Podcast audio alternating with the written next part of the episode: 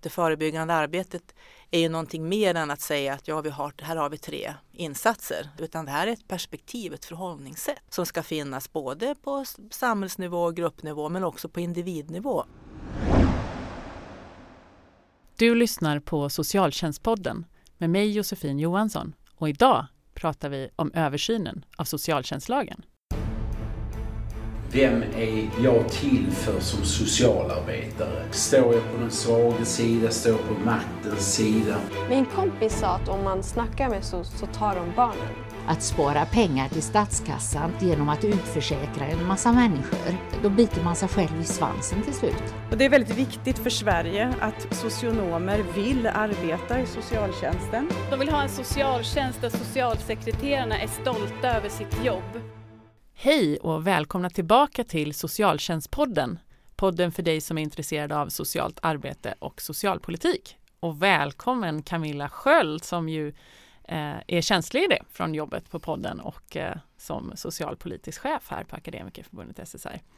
Nu jobbar ju du med översynen av socialtjänstlagen och eh, vår första podd som vi gjorde ihop, den ställde ju frågan vad hände med översynen av socialtjänstlagen?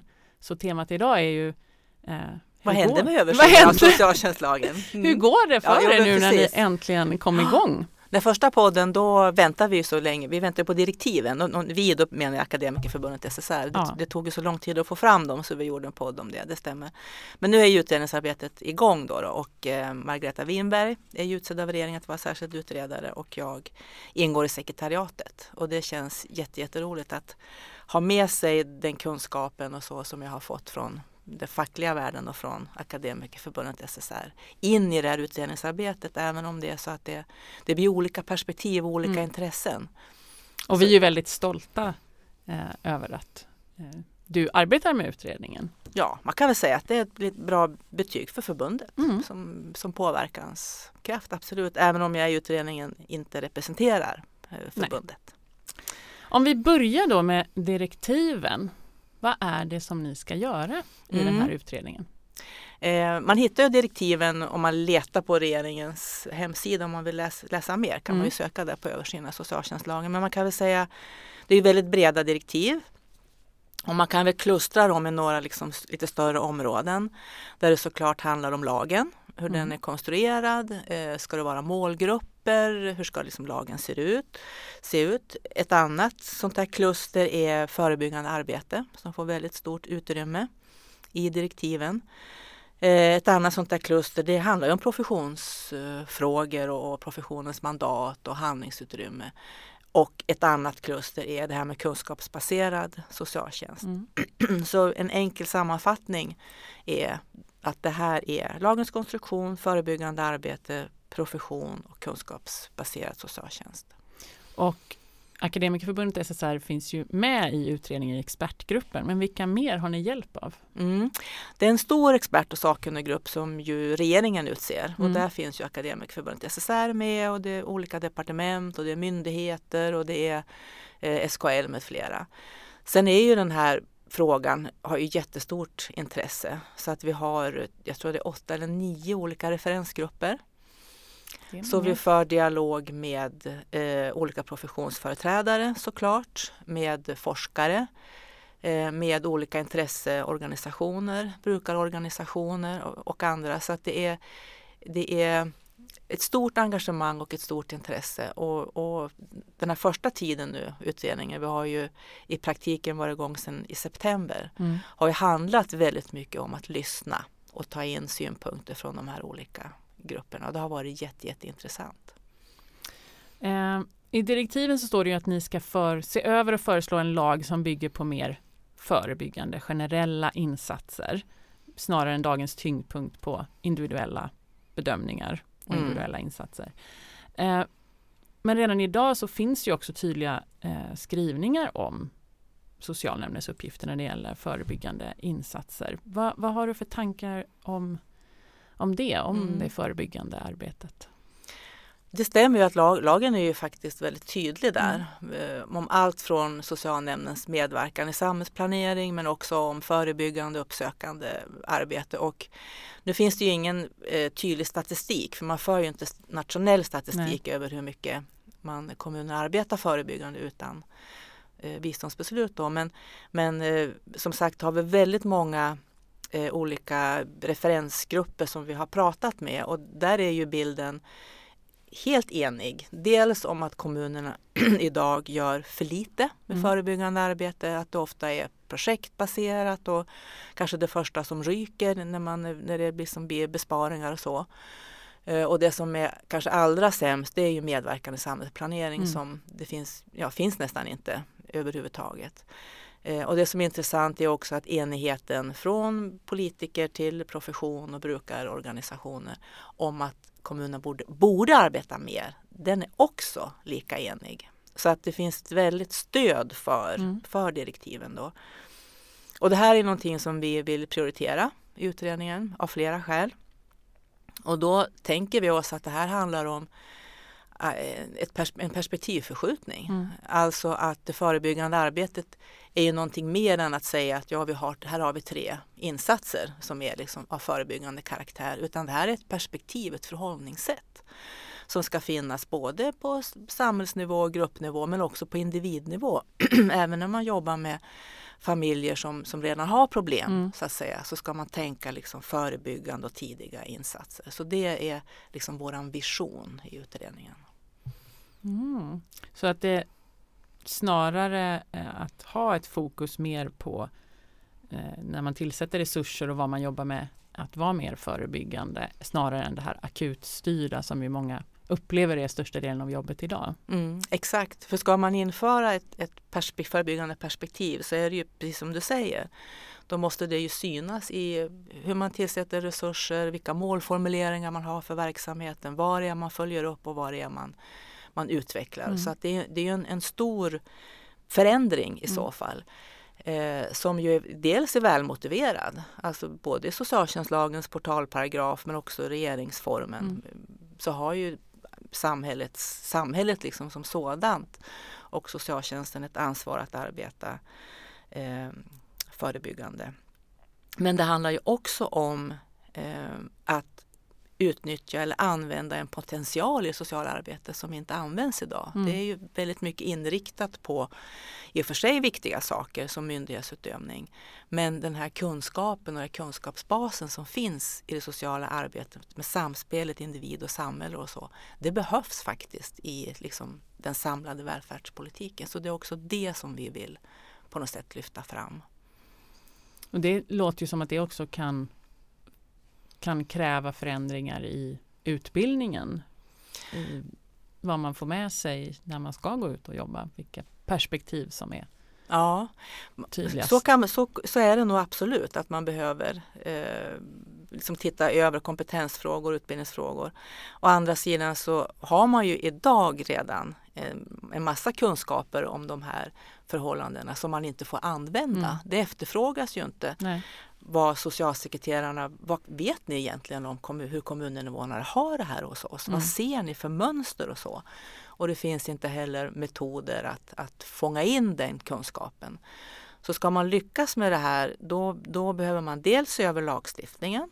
Går det att på något sätt göra den tydligare att, med de intentioner som redan finns? Mm. Eh, behövs det någon typ av metodstöd? Eh, behövs det någon typ av eh, nationell ja, process runt det hela? Kanske någon, någon eh, det låter ju inte så sexigt kanske men, men kanske någon samordnare eller någon delegation eller alltså på, någon, på något sätt som håller igång en process. Mm. Vi, vi tror ju inte heller att det här är någon quick fix utan det här är ett utvecklingsarbete som, som kommer att ta tid eh, och där också forskningen behöver finnas med så att man liksom kvalitetssäkrar att det blir bra eh, förebyggande insatser.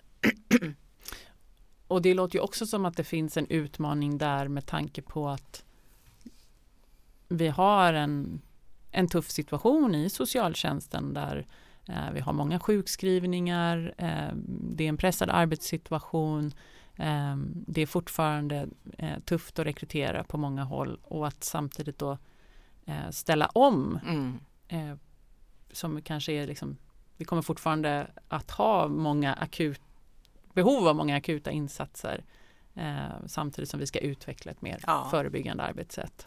Ja, det, det är verkligen ingen, ingen lätt eh, ekvation och, och, det är också viktigt att säga att det här får inte förhindra att man även vidareutvecklar arbetet in, inom myndighetsutövning Mm. och liksom det som det Det traditionella. kommer fortfarande behövas. Ja men absolut, det kommer, det kommer att behövas.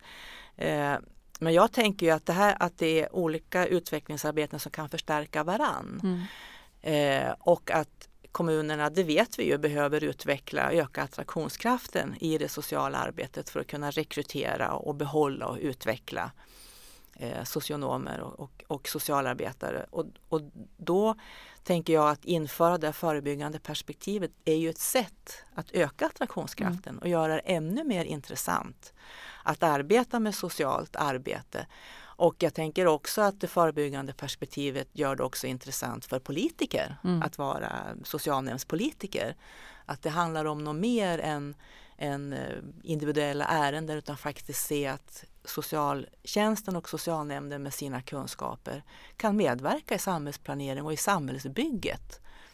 Och bidra till en bättre politik kanske? Ja, och bidra till, en, till eh, ett bättre liv för sina kommuninvånare. Det är ju ett jätteintressant perspektiv på många sätt det här med, med det förebyggande arbetet. Att lyfta upp det. Det, det skulle kunna lyfta liksom hela socialtjänsten. Mm. Eh, Hur man ser på socialtjänsten, innehållet i det sociala arbetet och öka attraktionskraften för, för de som jobbar där och sen först och främst göra det bättre för, för kommuninvånarna. För, för det är ju självklart, ibland är det så självklart som man glömmer att säga, Mm. men det är ju liksom nummer ett. Att eh, vi vet ju väldigt mycket om att olika sociala miljöer genererar eh, sociala problem. Eh, och att samhället då inte liksom tar sitt ansvar att göra någonting åt det, det, det är ju faktiskt inte okej. Utan jag tycker man kan säga att det, socialtjän- det, det socialtjänsten och samhället kan förebygga ska man ju också försöka förebygga. Men det här låter ju också som att eh, social och det finns väl också med i direktivet just att socialtjänsten får också en möjlighet att bli mera tillgänglig och inte lika skrämmande genom att ha ett mer förebyggande eh, arbete och eh, initiativ snarare än att utreda problem och sätta till ja men kanske omhänderta barn eller eh, Mm. föreslå mm, olika insatser för att man inte ska behöva omhänderta barn. Mm. Ja, men du, har, vuxna. nej, men du har helt rätt där. Och ett ett eh, inslag liksom i det här förebyggande perspektivet är ju precis det du säger. Att vara förebyggande ska man också vara lättillgänglig, Mm. lätt att nå och, och att insatser kan beviljas på ett enkelt sätt och att man, har- man har tillgång till det. Och där har man ju sett till exempel eh, när socialtjänsten kliver ut ur socialkontoret och kanske finns på en familjecentral. Mm. Eh, där ser det lite, lite olika ut men det finns ju exempel på familjecentraler där det finns då socialsekreterare som fortfarande arbetar med myndighetsutövning. Men bara den liksom kontaktytan med kanske öppna förskolan, Mm. BVC, MVC underlättar kontakter och, och, och avdramatiserar för människor att, att få kontakt med socialtjänsten.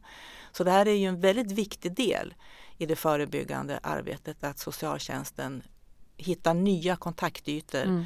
eh, och inte sitter, hårdraget blir nu då, men inte sitter och väntar på orosanmälningar Mm. så att säga utan möter människor mycket, mycket tidigare.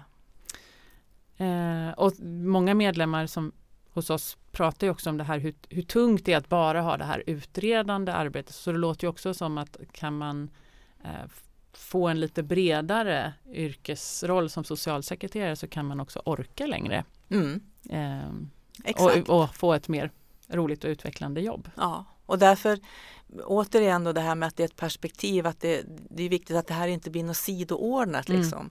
Att det är vissa eh, tjänster kanske som bara jobbar. Man kan ju ha specialisttjänster eller så, eller de som är, som är liksom inriktade absolut på förebyggande arbete. Men precis som du säger, kanske att växla, att jobba med ren myndighetsutövning, eh, väga in det förebyggande perspektivet i myndighetsutövning, men sen kanske göra helt andra saker som är är liksom med ett förebyggande perspektiv. Så det, ja, jag tycker du har helt rätt i att det här också ger möjligheter till variation och ut, professionell utveckling.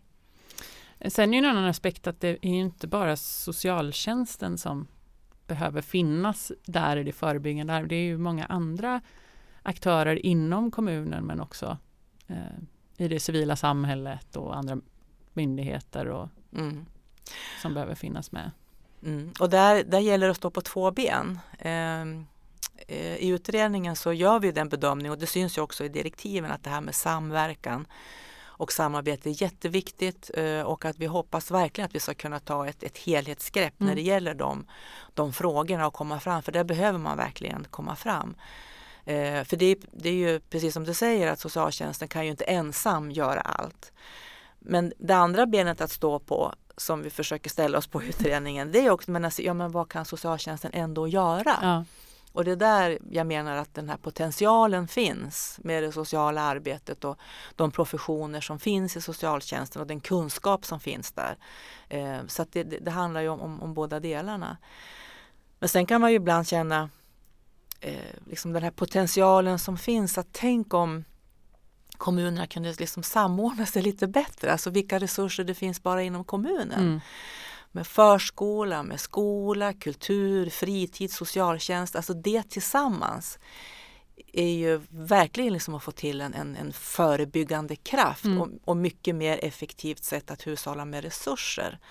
Så där skulle man ju önska att det, att det utvecklades former där, om det är kommunstyrelse eller kommunfullmäktige, verkligen tar det här liksom helhetsgreppet. Att, eh, ja, och att det Mm. förebyggande perspektivet skulle liksom verkligen få genomslag i hela socialtjänsten och i hälso och sjukvården. men då låter det också som att då, det, det kan också hjälpa till med att vara där kommuninvånarna finns eh, i liksom skola, förskola, föreningsliv. Eh, också att socialtjänsten finns där människor finns. Ja, det är väl lite bra att Mm. socialtjänsten finns där, där människor finns. Och jag tänker också någonting som vi inte har pratat om det är ju eh, också att det finns ett samhällsekonomiskt perspektiv Ja, eh, på det här. Alltså grunden för att jobba förebyggande det är ju socialtjänstlagens portalparagraf och lite mer humanism. Men det är ju faktiskt så att det är ett bra sätt att hushålla med resurser och det tittar vi också på i utredningen att, att eh, hur man skulle kunna få fram samhällsekonomiska analyser. och då är jag tillbaka till det här med att att eh, någon liksom vision om att kommunerna skulle ta det här samlade greppet. För vi, vi upptäcker ju nu, till exempel om man tar eh, hemlöshet som Mm. en sån fråga, eh, att eh, har vi stött på exempel där kommuner inom då de som har hand om bostadsförsörjningen säger ja men här i våran kommun har vi inga problem. Vi har liksom eh, tillräckligt med bostäder och då har man tittat på SCB statistik över hushållstyper och så. Och så tittar man på hur beståndet ser ut och ja vi har si och så lägenheter och bostadsrätter. Ja det liksom är, är bra balans.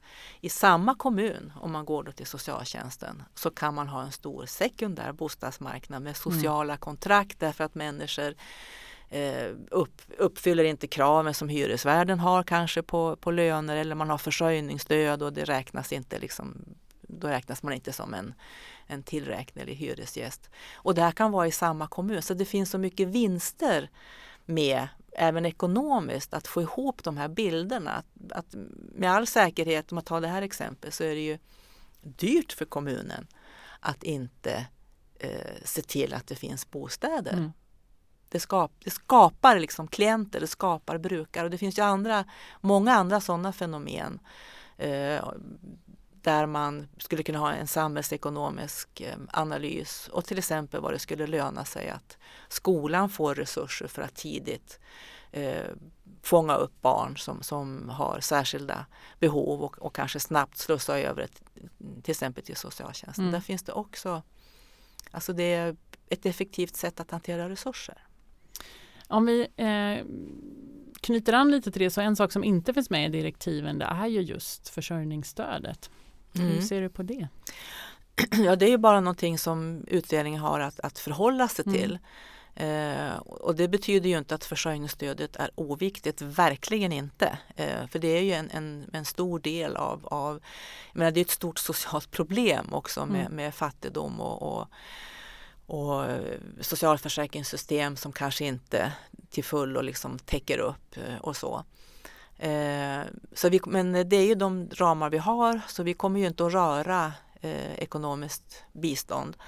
Däremot så finns det ju skrivningar i direktiven om biståndsparagrafen Mm. eh, där bistånd då ska tillförsäkra en skälig levnadsnivå som ju egentligen är tänkt och kopplat till, mycket kopplat till ekonomiskt bistånd och försörjningsstöd. Och när man då ska applicera det här begreppet på till exempel äldreomsorgen Mm. så finns det ju då kommunala, det. vad sa du? Så finns det vissa problem ja, vissa problem och, och kommunala riktlinjer som säger skälig levnadsnivå det är att duscha två gånger i veckan eller Mm. en annan kommun kanske säger tre gånger i veckan. Att det blir, ett, ja. Så i direktiven så ska vi se över på att man kanske kan dela biståndsparagrafer men då lämnar ju vi försörjningsstödet så att säga. Men kanske titta på andra delen, det här med livsföring i övrigt och då måste man ju i så fall hitta något annat begrepp än skälig levnadsnivå. Eh, Man måste fylla på liksom Mm. med någonting där. Men eh, visst, det är en stor viktig del av det sociala arbetet som inte finns med i Nej. utredningen. Och där tycker ju den referensgrupp som vi jobbar med i, på förbundet att eh, här borde människor med försörjningsproblem borde vara en utpekad grupp. Att socialtjänsten eh, faktiskt har ett särskilt ansvar där. Ja, och som också, det yttersta skyddsnätet. ja eh, och, och det kommer ju att vara kvar. Ja. Så, vi, så, så det blir ju inte rubbat. Kommuner har det yttersta ansvaret och, och försörjningsstödet ligger ju kvar i socialtjänstlagen så det blir liksom ingen förändring. Och sen är det ju ingenting som hindrar. Men det är jag. ingen utpekad grupp som Nej, barn det är och det äldre inte. och- Nej, Mm. det är det inte. Och ingen, vi kommer inte att titta på hur man hanterar det eller så. Möjligen att man kan komma in på det när det gäller eh, det här med helhetsperspektiv kontra Mm. specialisering Mm. som ju är ett, ett lite trickigt. Att Mm. man, men det är ju inte ovanligt att man kanske har ett missbruks och beroendeproblem eller problem med sitt föräldraransvar och också behov av försörjningsstöd. Och det har vi ju sett många exempel på att det är olyckligt att det är så uppdelat Mm. och kanske olika socialsekreterare som Många man ska träffa. många man ska träffa och som har oli, olika perspektiv och Ja. olika ingångar och kanske ställer orimliga krav utifrån att man har ett för snävt perspektiv och inte den helhetssynen. En annan kritik som eh, direktiven har fått det är ju att inte barnperspektivet syns tillräckligt tydligt. Eh, och samtidigt så har vi ju inkorporering av barnkonventionen i svensk lag som är på gång. Hur, hur arbetar ni med barnperspektivet i översynen? Mm. Vi tänker ju att barnperspektivet och, och brukarperspektivet överhuvudtaget är någonting som ska genomsyra eh, allt vi gör så Mm. att säga. Och barnperspektivet och brukarperspektivet ska ju finnas med i innehållet. Om vi tar det förebyggande arbetet till exempel värdet av tidiga insatser eh, och att man som barn eh, eller annan brukare har liksom inflytande och blir lyssnad på. Så det har vi ju med oss. Eh, vi har också funderat på barn och kanske mera eh, vuxna men ändå barn och brukarperspektiv när det gäller formuleringar i lagen. Mm är det smart till exempel att prata om indikativa eller selektiva insatser? Alltså vi, vi, det handlar också om ordval och så för att, för att eh, förenkla.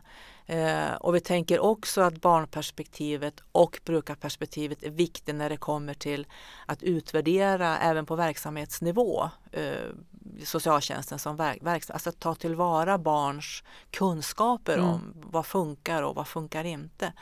Så att vi, vi ja, vår ambition är att det ska löpa som en röd tråd eh, inom hel, hela liksom våra tänk. Och ni jobbar med brukarföreträdare för barn Ja, och unga? också. Precis, precis, det gör vi. En annan sak som ni ska se över då det är ju lagens konstruktion och en del av den det är ju att socialsekreterare och chefer jobbar på delegation av socialnämnden. Eh, och vi har ju eh, tidigare tagit upp det i podden att Sverige är troligtvis det enda land i världen som har den här otroligt starka lekmannainflytandet. Eh, och det är ju en av SSRs viktigaste krav att eh, få bort in, politikerinflytandet i individärendena. Ehm, hur ser du på, på det? Mm. Eh, det finns ju inte med direkt i direktiv men indirekt så ligger ju frågan där eftersom vi ska titta på professionens mandat och handlingsutrymmen och, och sån där formulering finns det. Eh, så vår ambition är att ta med den frågan och vi, har inte, vi är inte framme där kan jag säga. Eh, det finns ju å ena sidan ett tryck från Akademikerförbundet SSR, från Föreningen Sveriges socialchefer med an och andra som menar att eh, det inte är rimligt att politiker överprövar liksom, professionella bedömningar. Mm. Eh, men sen är det ju faktiskt så att undersökningar visar att det finns lite olika uppfattningar både bland politikerna själva men också bland socialsekreterare och, Mm. och chefer att man också ser fördelar med det här.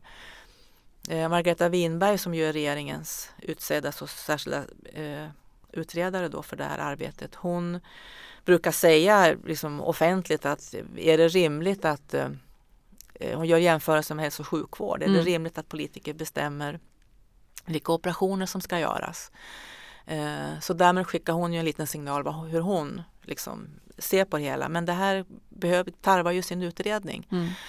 Eh, att titta på för och nackdelar och konsekvenser och så. Eh, och återigen om man kopplar till det förebyggande arbetet så, så vore ju det, tror jag, eh, en mera både intressantare och viktigare roll för kommunpolitiker att, att jobba på eh, liksom en, aggregerad nivå Mm. eh, och försöka bidra till eh, en utveckling liksom i kommunen. Att ta del av de kunskaper som finns på individnivå och aggregera det upp och då kan det till och med vara ett hinder att sitta och prata om Stina Enskilda, Pettersson, ja, enskilda Mm. ärenden och så.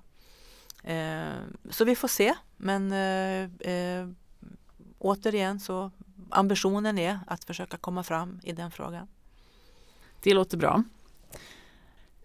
En annan konflikt som finns i dagens lag som ju också är ett skäl till att det har funnits påtryckningar att man måste se över den. Det är ju att det är en ramlag med, där väldigt många detaljstyrningar har kommit in i efterhand. Ehm, hur jobbar ni med den konflikten? Mm. Eh, och det är ju inte, det pågår ju en allmän diskussion i samhället om det här med detaljreglering Mm. Och tillit. och tillit precis Mm. och kopplat till tillitsdelegationens arbete. Att det, är- det är liksom ett samhällsfenomen Mm. att vi har hamnat där att vi detaljreglerar i lag, vi detaljreglerar i olika andra liksom regleringar och, och professioner, inte bara inom socialtjänsten utan även på andra håll och kanske särskilt i offentlig sektor känner sig väldigt begränsade eh, i, sitt, i sitt arbete så att säga. Eh, så att det här perspektivet har vi definitivt med oss eh, och eh, å ena sidan så tror vi inte på eh, att komma med massa detaljregleringar, att det liksom ska lösa, lösa problem. Å andra sidan så eh, om man då tar det här förebyggande arbetet där det idag då finns så tydliga skrivningar men det händer ingenting. Eh, där har vi tittat på, börjat att titta på, det fanns ju en, en utredning tidigare, socialtjänstkommittén, Mm. Som hade några tankar om att man borde mera tydligare lag ålägga kommunerna eller, eller socialnämnden mera då, att ta fram eh, sociala områdesbeskrivningar som Mm. skulle läggas fram till kommunfullmäktige, kommunstyrelse en gång om år och sådana saker. Det är liksom en typ av detaljreglering där man kan undra, ja å ena sidan kanske det vore bra eftersom man inte kommer fram och socialnämnden kanske behöver stöd för att faktiskt kunna medverka i samhällsplanering. Å andra sidan är det här då en reglering som bara blir att man sätter kryss i, ja, man sätter kryss i en ruta för man har tagit fram ett papper. Så att det här är ju en, en balansgång att gå. Eh, så man kan väl säga att vi är medveten om den och, och har den hela tiden eh, med oss Mm. så att säga. Eh, sen kommer det väl inte att vara så att det går att göra perfekt. Det kommer säkert att vara så att några kommer att tycka slutliga förslagen att här har ni reglerat för lite eller här Mm. har ni reglerat för mycket. Eh, så är det. Men, men eh, man kan väl säga man måste, borde i alla fall undvika onödiga detaljregleringar. Mm. Och det är ett viktigt perspektiv att ha med sig, eh, tänker jag. Det är, väl, ja, det är väl ungefär så långt Ja. jag kan säga. För det finns ju också eh, skäl till att de har kommit in där, de här olika skrivningarna. Det vet jag också att Margareta brukar prata om att som politiker så känner man att när man har skrivit in någon då har man, då har man gjort något. Exakt, och det är klart att alla, men det blir ju väldigt mycket detaljregleringar Ja. om man eh, Ja, varje gång det händer något så skriver man in en, en, En extra mening. extra precis. Men där kan man ju fundera dels I socialtjänstlagen eh, finns det kanske en del upprepningar Mm. eh, och vad behöver regleras i lag? Vad kan man reglera på, an- på annat sätt i förordning eller föreskrift Mm. eller Socialstyrelsen eller ja, det finns ju olika former eh, och lagen bör ju ändå hålla över tid också och det, det försvårar man ju också om man har för mycket detaljregleringar. Sen är ju allting har ju dub, liksom dubbla sidor. Eh, jag tänker om man jämför med LSS så är det ju en styrka att man har den här insatskatalogen. Mm. För det å ena sidan tillförsäkrar, eh, om man nu bortser från diskussionen om personlig assistans och assistans, statlig assistansersättning så är det ändå så att det tillförsäkrar mig som individ vissa insatser. Å andra sidan gör ju insatskatalogen att det blir lite, inte så flexibelt och alla insatser kanske inte stämmer in i de här rutorna. Så det, det är det man får tänka på. Att det finns, även när det gäller målformuleringar och sånt, det finns alltid kontraproduktiva inslag Ja. som, man, som man behöver liksom vara medveten om.